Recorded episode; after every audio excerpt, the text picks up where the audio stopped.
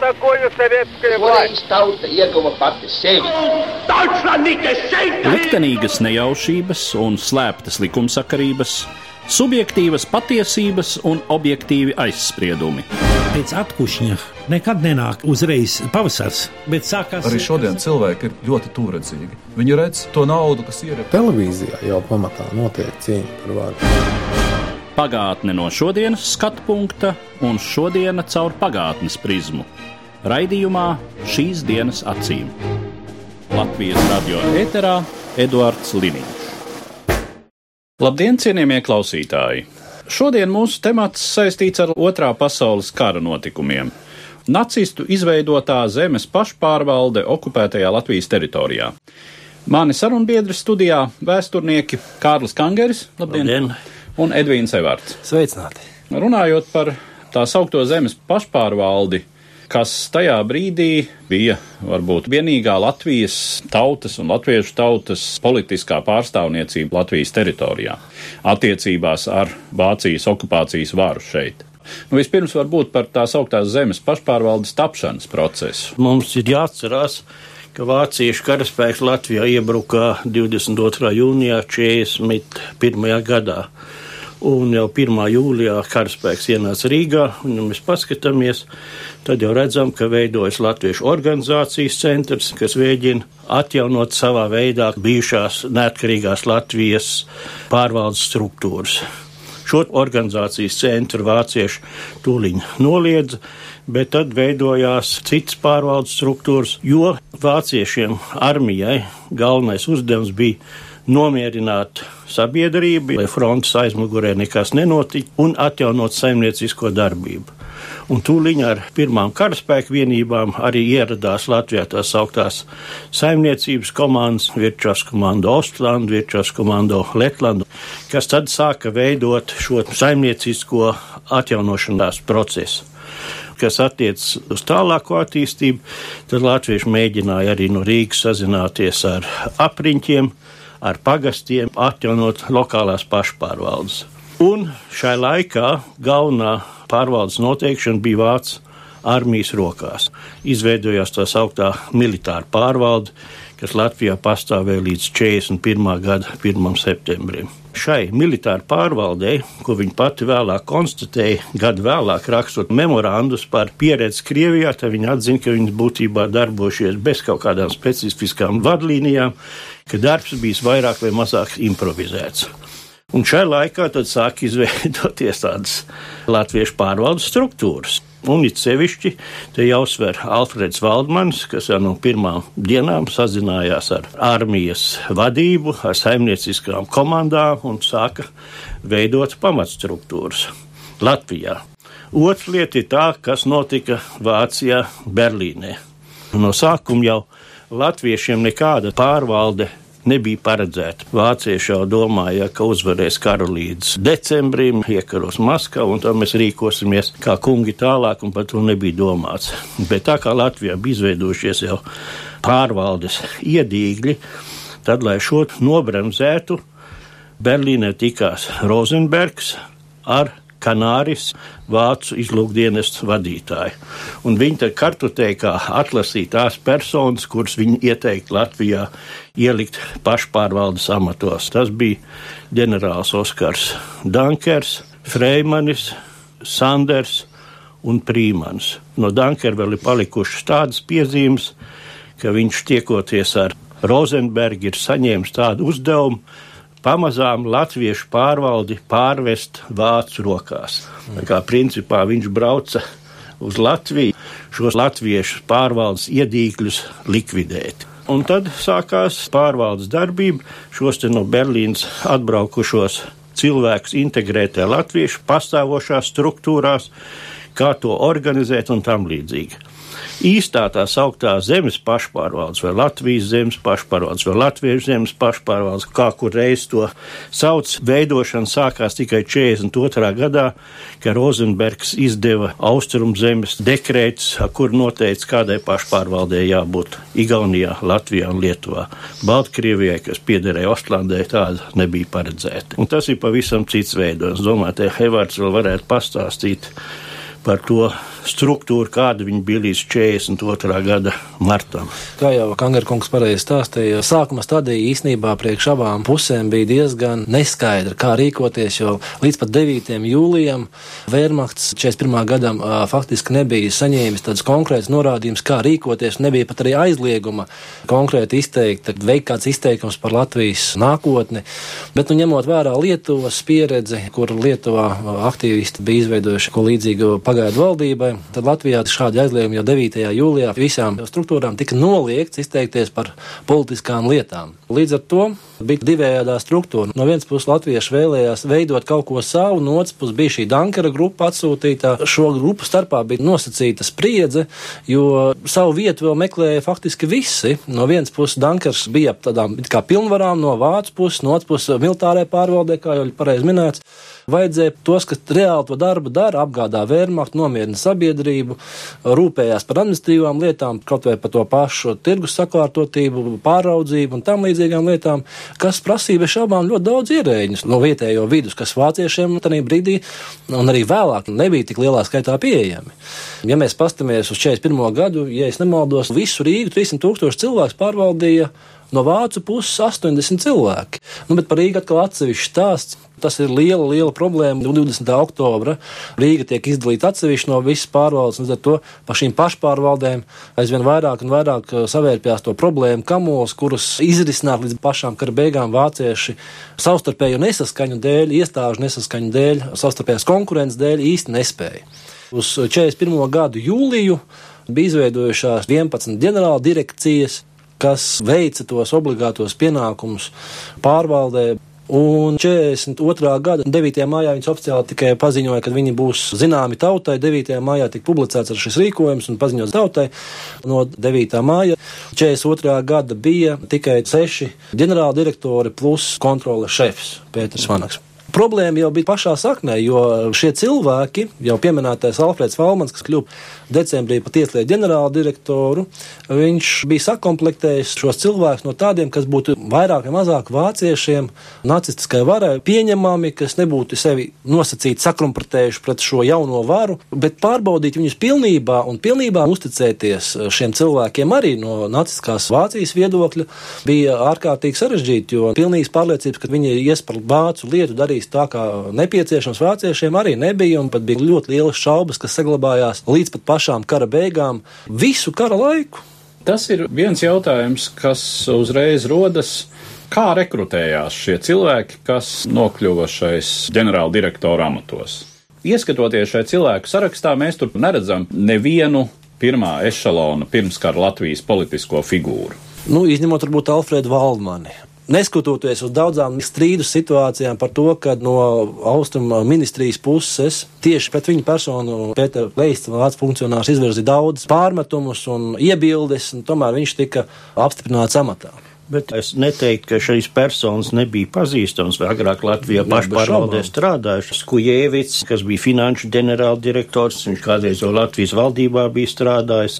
Mārtiņa Prīmāna, jā, viņš šaubām. arī bija strādājis, un Skujevits arī bija bijis finanšu ministrs. Nu, būtībā jau visi šie cilvēki bija pārvaldes darbā piedalījušies, jo viņus jau izmantoja tieši viņu pieredzes dēļ, ne jau tāpēc, ka viņi, viņi jau bija departamentu vadītāji. Kā tad? Bijuši, kā tad? Jā. Tā kā viņiem jau bija pieredze, bet rekrutējot šo sastāvu, vācieši jau arī gribēja izvairīties no politiskām personām, kas varētu kaut kādas prasības stādīt. Viņi gribēja tikt vaļā no Ulmaņa kliķis, un ka šis ģenerāldirektors izvirzīja, tad jau es SD arī pārbaudīja. Tur ir visas šīs atskaites, kā sūta priekš SD, kā viņi izvērtē katru personu uzticamību vāciešiem vai tam līdzīgi, vai viņi arī varētu pieļaut šādā darbā. Tā kā šo personu pagātni tika sīki izmeklēta un skatījās uz to, vai viņi nav kaut kad vāciešiem bijis naidīgi, piemēram, ar Valdmanu bija ļoti neskaidri. 43. gadā Valdmani noņēma no amata un aizsūtīja rimdā uz Vāciju. Tas ir tas jautājums, kādas bija šo cilvēku politiskās ambīcijas un kāds bija viņu vēlmju slieksnis tad, kad viņi uzsāka šo savu darbību, nu, uz ko viņi cerēja un kā viņi iedomājās savu iespējamo lomu tā brīža Latvijas situācijā, Latvijas sabiedrības liktenī. Piemēram, Zāģerkungs, saimniecības ģenerāldirektoru, vācieši raksturoja kā izteiktu karjeristu. Kurš spējis un pratis pielāgoties šai politiskajai situācijai. Oskaram Leimanim savukārt bija radinieki deportēti 41. gadā, tātad bija sava antipātija pret padomju režīmu. Un arī pārējiem vairāk vai mazāk, ja mēs skatāmies tieši vācu dokumentus, bija pozitīvi, vismaz neitrāli noskaņot tajā brīdī, 41. gads. Nevajag aizmirst, ka tas ir pilnīgi vēl cita domāšana, jo viss mainījās ar laiku, ceļš pēc vācu civilu pārvaldes ieviešanas un reprivatizācijas neatcelšanas. Faktiski bija pozitīvi vai neitrāli noskaņot pret vāciešiem. Bet mums jau jāskatās, kādas bija cerības un ilgas 41. gada jūlijā. Bez šaubām. Visi cerēja, ka sāksies kaut kāda neatkarīgās Latvijas atjaunošana vai kaut kāda autonomijas status iegūšana. Pēc pāris mēnešiem bija skaidrs, ka Latvija būs Vācu okupēta teritorija, tāda pati kā citas padomus Savienības sastāvdaļas okupētās. Un tad sāk izvirzīties tas jautājums, kā mēs varam iesaistoties administrācijā, paši kaut ko darīt latviešu labā. Un, piemēram, Vācu arhīvos mēs atrodam latviešu sastādīts memorandus, kas ir 60, 70 lapspušu bieži, kā viņi skaidro, kā viņi redz Latvijas nākotni. Un arī tad, kad izveidoja pašpārvaldi pēc 7. marta, tad 1942. gada 16. maijā visi ieceltie ģenerāli direktori iesniedza memorandi ar 11 punktiem, kur viņi uzskaitīja savas prasības, kā viņi saredzētu šo sadarbību. Šai laikā nebija runas, kad viņi iesaistījās šeit pārvaldes darbā par kaut kādām autonomijas prasībām. Tas tikai tad parādīsies 42. gada beigās. 42. Ja, beigās tas jā, jā. parādās pusgadu vēlāk šie te jautājumi. Bet, kad viņi iesaistījās šai darbā, tas notika bez kaut kādiem priekšnoteikumiem, bet cerības bija, un kā paši arī izteicās, ka viņi ar savu darbu varēs daudz ko darīt Latvijas tautas labā. Tas atspoguļojas arī viņa autobiogrāfijās, memoāros. Šīs cerības kaut ko ietekmēt, kā palīdzēt vai vismaz mīkstināt vācu lēmumus. No šodienas viedokļa mēs, protams, redzam labāk, ka šīs cerības īsti nav attaisnojušās, jo visiem arī šiem iesniegtajiem memorandiem bija 11 tādu memorandu, kur viņi izteica savas prasības. Īstenībā jau viņi vai nu tika ignorēti, vai arī noraidīti. Un pret eh, šo noraidījumu nebija argumenti, jo Latvijas zemes pašpārvalde ar katru mēnesi, sākot no 41. gada septembra, tika nostādīta aizvien jaunu un neiepriecinošu faktu priekšā. Viņas pilnvaras tika ierobežotas, nāca Gērings, saimniecības plānu, pasts, dzelzceļš pakāpeniski, vien pēc otra tika atņemta šīs pilnvaru lauks. Ja mēs paskatāmies ar tālāk, ka 43. gadā radās kaut kādas krīzes situācijas, Latvijas ģenerālkomisārs Drexlers rakstīja daudz protestu vēstules Lozem, Rozenbergam, kur viņš pieprasīja pašpārvaldes status maiņu, ka pirmais būtu jāievēro 42. gada 7. marta dekrēts, jo tur jau bija daudz kas pateikts skaidrs, kā pašpārvalde funkcionēs. Bet kamēr viņi sāka savu darbu pēc 42. gada māja, tikmēr jau citas Vācu ministrijas iestādes bija iejaukušās tādā veidā, ka pašpārvaldes darbs jau bija gandrīz paralizēts, ka viņi būtībā paši neko nedrīkstēja darīt. Bet šeit arī, ja mēs apstāmies Vācu-Latviešu attiecības, tad nedrīkst aizmirst šīs 7. marta Ostlandes dekrēta noteikums, ka Latviešu pašpārvalde ir izpildu pārvalde, kurai jāizpilda visi vācu noteikumi, nedrīkstot pārjautāt, kāpēc. Tā kā viņi pat nedrīkstēja apšaubīt nevienu vārdiņu. Viņi gribēja ko apšaubīt, iesniegt, tad viņiem būtībā draudēja ar ievietošanu koncentrācijas nometnē. Un Lietuvas piemērs ļoti labi parāda, ka tas tika arī izdarīts. Bet Latviešu gadījumā var uzskaitīt atsevišķus piemērus, parasti nobijās un atsauc šos memorānus. Tā kā viņi iztika bez koncentrācijas nometnes, bet visu laiku draudēja.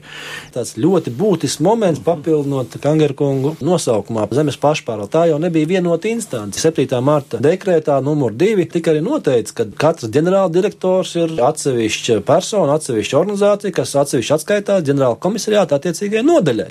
Tātad tā nekādā gadījumā nedrīkstēja būt kāda koleģiāla, kopēja lēmēja iestāde. Bet šeit jau jāskata arī vācu struktūra daudzveidība, ka vācieši paši strīdējās savā starpā, kompetences nebija noteikts. Un sevišķi, ja mēs paskatāmies uz Drexler protestu, latviešu pašpārvaldes jautājumā.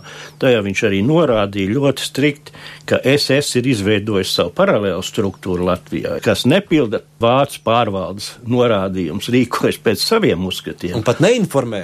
SS struktūras izveidoja savu paralēlo struktūru, kur viņi pašpārvaldu policijas lietās galīgi ignorēja.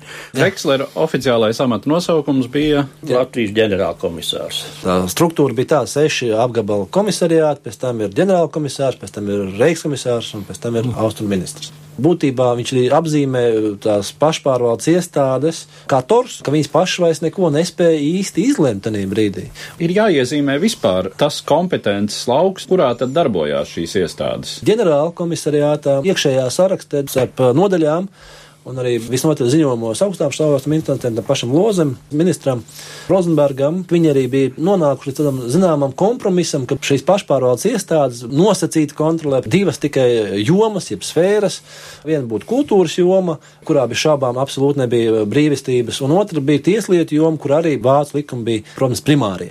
Piemēram, arī izveidoja pie saimniecības nozares darba departamentu, lai regulētu, piemēram, darba spēku rekrutēšanu Latvijā sūtīšanu uz Vāciju un tam līdzīgi. Bet 43. gadā izrādījās, ka vācieši uzskatīja šo departamentu par galīgi lieku.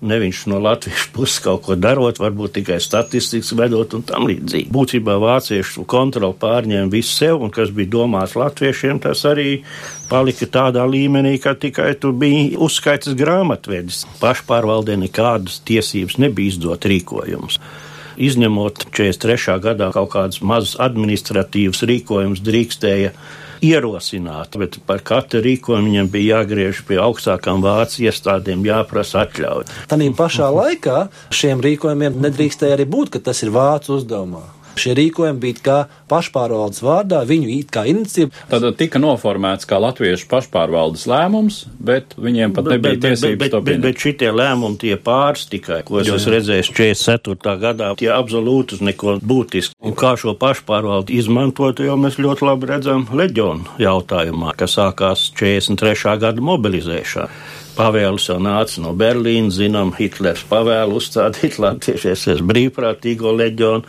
Tad Vācis izveidojas darba pārvaldes struktūras, kas pārņem organizēšanu, bet latvieši saņem pavēlu viņu vārdā iesaukt. Teiksim, Dankers, Tas, laikam, parakstā, skaļākais piemērs. Vēlāk Bangerskis paraksts visu uz ārpus, bet, ja mēs pastamies administratīvi, tas struktūras pavēles nāca no SS Führungshauptamtu Berlīnē kaut kādam vai nu Jekelam vai kaut kādai struktūrai vēlāk SSR Zaci inspekcijai, kas deva tās pavēles tālāk un būtībā izskatās tā, lai it kā latvieši to darītu. Tas viens pavisam mazs arguments, pakārtots jau minētajam, bija šī starptautisko tiesību aspekts, vai ievērot, it kā ievērot 1907. gada 4. ja nemaldos Hāgas konvenciju, kur iesaukšanu nedrīkst veikt okupācijas vara, bet, kā mēs zinām, šīs juridiskās normas netika ievērotas. Bet es gribētu uzsvērt, teiksim, mēs daudz labam negatīvi runājam par pašpārvaldu, bet ja mēs paskatāmies uz starptautiskām tiesībām, tad šo argumentu pašpārvalde ir pielietojis daudzos dokumentos rakstot vāciešiem.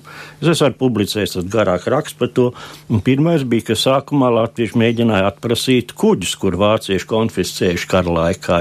Un tur ar būtībā ar argumentiem mēģināja pierādīt vai parādīt, ka Latvija ir okupēta, bet ka viņa nav de jure gājusi bojā. Šī tā argumentācija, ko visu laiku latviešu diplomāti arī ārpusē lietoja. Un tika arī izstrādāta juridiska ekspertīze, ko pat viens vācietis sastādīja kā pirmais, kas šos te jautājumus uzsvēra, ka Latvija kā valsts nav tiesiski gājusi bojā, bet de jure pastāv tālāk. Un šādas iesniegumus mēs vairāk varam redzēt arī pirms leģiona dibināšanas 13. februārī jau 43. gadā bija viens šitāds memorands par leģionu pretiesiskumu.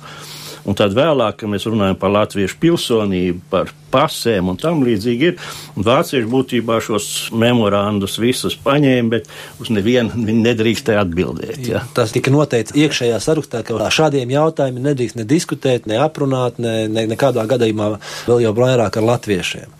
Tas bija pilnīgi aizliegts oficiāli. Bet nu, tā tad šī pašpārvalde tomēr no šādas argumentācijas neatturējās un zināmā mērā asociēja sevi ar Latvijas valsti, ar tās de jure pastāvēšanu, vismaz vēlējās tādā veidā. Tanī pašā laikā mums jau ir jāatcerās tāda lieta, ka šī asociācija bija, varētu teikt, divdaļīga, jo no vienas puses tas pats minētais Oskars Dankers, pašpārvaldes nominālais vadītājs, lielos vilcienos tomēr apzinājās, kādi ir aptuveni vācu nodomi Latvijā. Taču šie cilvēki nebija ar politisku pieredzi. Un viena lieta ir vēlme sevi asociēt, otra lieta ir eh, praktiskā daļa, šī iespēja kaut kādā veidā šī jautājumā mēs mazliet tā kā uzmanītos. Bet es jau te minēju, tā vēlme bija. Zināmos aspektos viņi parādīja savos memorandos, ka mēs pārstāvam tādu līniju, bet tikko vācieši sāka draudēt ar koncentrācijas nometni vai represijām, tad viņi bieži atsauc vai atkāpās no saviem viedokļiem. Piemēram, ka leģionu veidoja, tad arī bija iesniegts viens memorands vēl 16. vai kurā februārī kur pieprasīja dažādus jautājumus, kas būtu jāpild, lai mēs piedalītos šajā procesā, bet tad piedraudēja viņiem, un tad viņi atsauca šo memorandumu. Bet arī paši vācieši apzinājās problēmu, jo viņi negribēja arī viņus visus atlaist uzreiz, tad tas Vācijai ārpolitiski ļoti slikti izskatītos bet pēc neveiksmēm vai problēmām, kas bija radusies 43. gada sākumā vidū ar Valdmanu, tad viņš 43. gada beigās plānoja absolūti visu pašpārvaldu nomainīt. Un, ja mēs skatāmies uz starptautisko tiesību aspektiem, piemēram, kā Latvijas sūtnis Vašingtonā skatījās uz šo jautājumu, pēc ģenerāla pašpārvaldes izveidošana viņš protestēja, viņš skaidri un gaiši paskaidroja, ka viņš kā Latvijas ārkārtējo pilnvaru nesēju šo pašpārvaldu neatzīst. No starptautiskā tiesība aspekta ir jāskatās arī, ko Latvijas ārkārtējo pilnvaru nesēja Londonā un Vašingtonā teica. Kas faktiski tajā brīdī bija vienīgie, kuriem bija kaut kādas leģitīmas tiesības runāt de jure pastāvošās Latvijas valsts un attiecīgi arī Latvijas tautas vārdā. Bet, um, kas laikam ir diezgan būtiski arī konstatēt, šo cilvēku tāda reāla autoritāte Latvijas sabiedrības, latviešu sabiedrības acīs. Šie cilvēki, skatoties no tautas viedokļa, tuvāk pazīstami tomēr nebija. Atsevišķās jomās, bet vairāk pazīstams tomēr ne. Un par pašu autoritāti Tauta jau arī redzēja, ka pašu tieslietu sfērā, kur it kā kaut kādas ierobežotas pilnvaras bija attiecībā pret latviešiem, tauta redzēja, ka tikko lieta nonāk līdz kaut kādam nopietnākam līmenim, šīs visas lietas tiek atdotas vācu tiesnešiem. Un bija skaidrs, ka tā ir otrās klases, otrās šķiras tiesas, latviešu tiesas, kas izstāsta mazākas civilu lietas un pavisam mazas krimināla lietas, kur bija sots, teiksim, kādu sešu mēnešu arestu varētu būt. Tauta jau redzēja, ka ģenerāla direktora tur maz ko var darīt. Tas arī varēja pastiprināt uzskatu, ka viņi neko nedara. Tā jau būtībā nebija. Bet, ja mēs apstāmies ar atsevišķu personu, pa Dankeru jau bija skaidrs, ka viņš skaitījās vājš pārvaldes vadītājs, ko vācieši varēja iespaidot. Un viņš jau būtībā bija tas, kas reprezentēja latviešu pašpārvaldi pie vāciešiem. Un viņš bija viegli iespaidojams, un ja mēs paskatāmies arī citas gadījumus, vācieši mēģināja izvairīties, ka departamentā tuvu viņam birojām nenonāk tādas personas, kas ir spēcīgas, kas varētu izdarīt spiedienu uz Dankeru. Piemēram, arī pa celmiņu, kā viņi apcietināja 44. gadā, vācieši jau sen zināja, ka viņš izdod pretestības skrēlaps, bet ka viņš departamentā nonāca viņa biroja stūpē Bangerska biroja, tā vācieši nobijās, ka viņš var iespaidot Dankeri, un tāpēc viņi paņēma ciet un izņēma no apgrozības. Par citiem jau arī, teiksim, Viņi neko daudz tur presē teikt vai rakstīt nevarēja. Saka, vienīgais, kas izcēlās ar rakstiem, ideoloģiskiem un citiem, ir Valdmans. Sākot jau no 41. gada jūlijā, kad viņš tēvijā rakstīja uzsaukums, tāpat 42. gadā latviešu problēma, kur viņš iesniedz prasības prasīja autonomiju un tūliņ palaida cirkulēt šīm prasībām tautā. Tāpat pašpārvaldes sarunas ar vāciešiem 29. janvārī 43. gadā, kur atkal protokols tūliņ izlaida tautā. Vienīgais, kas mācīja kaut cik sevi pozicionēt politiski Un varbūt tās arī Valmanim nosacīt izdevās pateicoties diezgan labajām personiskajām attiecībām ar ģenerālu komisāru Oto Dreksleru. Būtībā jau visa pārvalde balstījās uz personiskajām attiecībām, nevis uz juridisku noregulējumu. Un pārējiem ģenerāldirektoriem no nu, tik ietekmīgu vācu funkcionāru nebija tik nosacīt labas attiecības. Un nevajag aizmirst, ka izveidojušo pārvaldu, reizes komisariāts, ģenerāla komisariāts, novada komisariāts. Rīgu izņēma no pārvaldes ārā un Rīgu uztaisīja par speciālu pārvaldes vienību. Un Rīgas pilsētas vecākais un arī novada komisārs reizē bija Vitroks kas mācīja šo jautājumu ļoti izspēlēt. Un Drekslers arī kāds trīs memorandus viņš ir rakstījis jau 43. gadā, kur prasa Rīgu ieskaitīt latviešu pārvaldes struktūrā. Un viņš saka, ja Rīgas jautājums nebūs atrisināts, tad arī latviešu pašpārvalde vispār nefunkcionēs. Tur viņam ir liela taisnība, ja izņem no Latvijas pašpārvaldes, no budžeta Rīgas pilsētu, visu, tad jau pašpārvaldei daudz nekas nepaliek. Tā problēma bija Hugo Vitroks kurš arī, kad šie jautājumi pacēlās, vienmēr apgāja birokrātisko ceļu, jo viņam būtu bijis vajadzīgs kā novada komisāram rakstīt ģenerāla komisāram, tad reichskomisāram, tad Rozenbergam. Bet tā kā viņi bija korporācija biedra Rozenberga, viņš visu šīs struktūras vienmēr apgāja un griezās tieši pie Rozenberga. 43. gada vidū pašpārvaldes amatā, kā tieslietu ģenerāldirektors, tiek apstiprināts bijušais Latvijas valsts prezidents Alberts Kviesis. Kāda bija viņa loma, vai viņš arī iekļāvās vispārējā pakļaušanās un pretī nerunāšanas formulā? Kvieša kungs jau strādāja Alfreda Valmiņa pakļautībā, kā viens no referentiem, ja nemaldos, Tieslietu ģenerāldirekcijā, un bija jau šī visā sistēmā iekšā, taču nu, sākotnēji pārmest viņam būtu grūti, ko tomēr uh, iztikšana ir jāpelna. Nozīmīgi amatu viņš sākumā neieņēma. Kāpēc tieši 43. gadā ir šī noskaņojuma maiņa, un tomēr viņš ir gatavs iet un strādāt, ļoti labi apzinoties, ko viņš dara, uz kurieni viņi iet un kādas pilnvaras šim ģenerāldirektoram uh, būs sagaidāmas. Tiešām šis jautājums manā skatījumā līdz galam uh, mēs to nevaram izskaidrot, jo kā bijušajam Latvijas valsts prezidentam, protams, nu varbūt uz tādu soli nevajadzēja iet. Es neesmu tos tieslietu aktus pētījis sevišķi, kas tajā laikā izdot vai parakstīt. Bet es atceros savu kolēģi Haralds Biezais, kā teica, ja, viņš jā, būtībā šo kviešu soli ļoti kritizēja, man tā liekas arī, vai tas nebija kviešu laikā, kad piemēroja Latvijas kara klausības likumu leģionu iesaukšanā. To likumu pārstrādāšanu arī izdarīja kviešu vadībā. Leģiona jautājumam, kas ir plašs un būtisks, mēs šīs dienas sarunā nepievērsīsimies, jo tas ir vairāku atsevišķu sarunu vērts, kuras arī notiks noteikti mūsu raidījumā turpmākajos mēnešos un gados, bet tuvinot mūsu šodienas sarunu noslēgumam, būtiskais jautājums par latviešu pašpārvaldi. Tajā brīdī šo cilvēku morālā stāja, politiskā pozicionēšanās Cik lielā mērā viņi sevi uztvēra kā latviešu tautas pārstāvjus vai Latvijas tautas, tātad Latvijas pilsoņu kopuma pārstāvjus? Spriežot pēc viņu pašu sarakstītajām atmiņām, protams, ka viņi sevi visnotaļ uztvēra kā Latvijas tautas pārstāvis un cilvēks, kas vismaz mēģina mīkstināt vācu iestāžu izdotos rīkojumus. Piemēram, pašā Tieslietu ģenerāldirekcijas gadījumā runa ir par advokātu sadalījumu. Tieslietu ģenerāldirekcija nu, nespēja pilnībā atcelt cilvēku pārvietošanu no Rīgas un citām pilsētām uz provincēm, taču spēja to novilcināt par pusgadu. It kā jau liekas, ka no vienas puses tas nav liels sasniegums, no otras puses tomēr vairāk nekā nekas.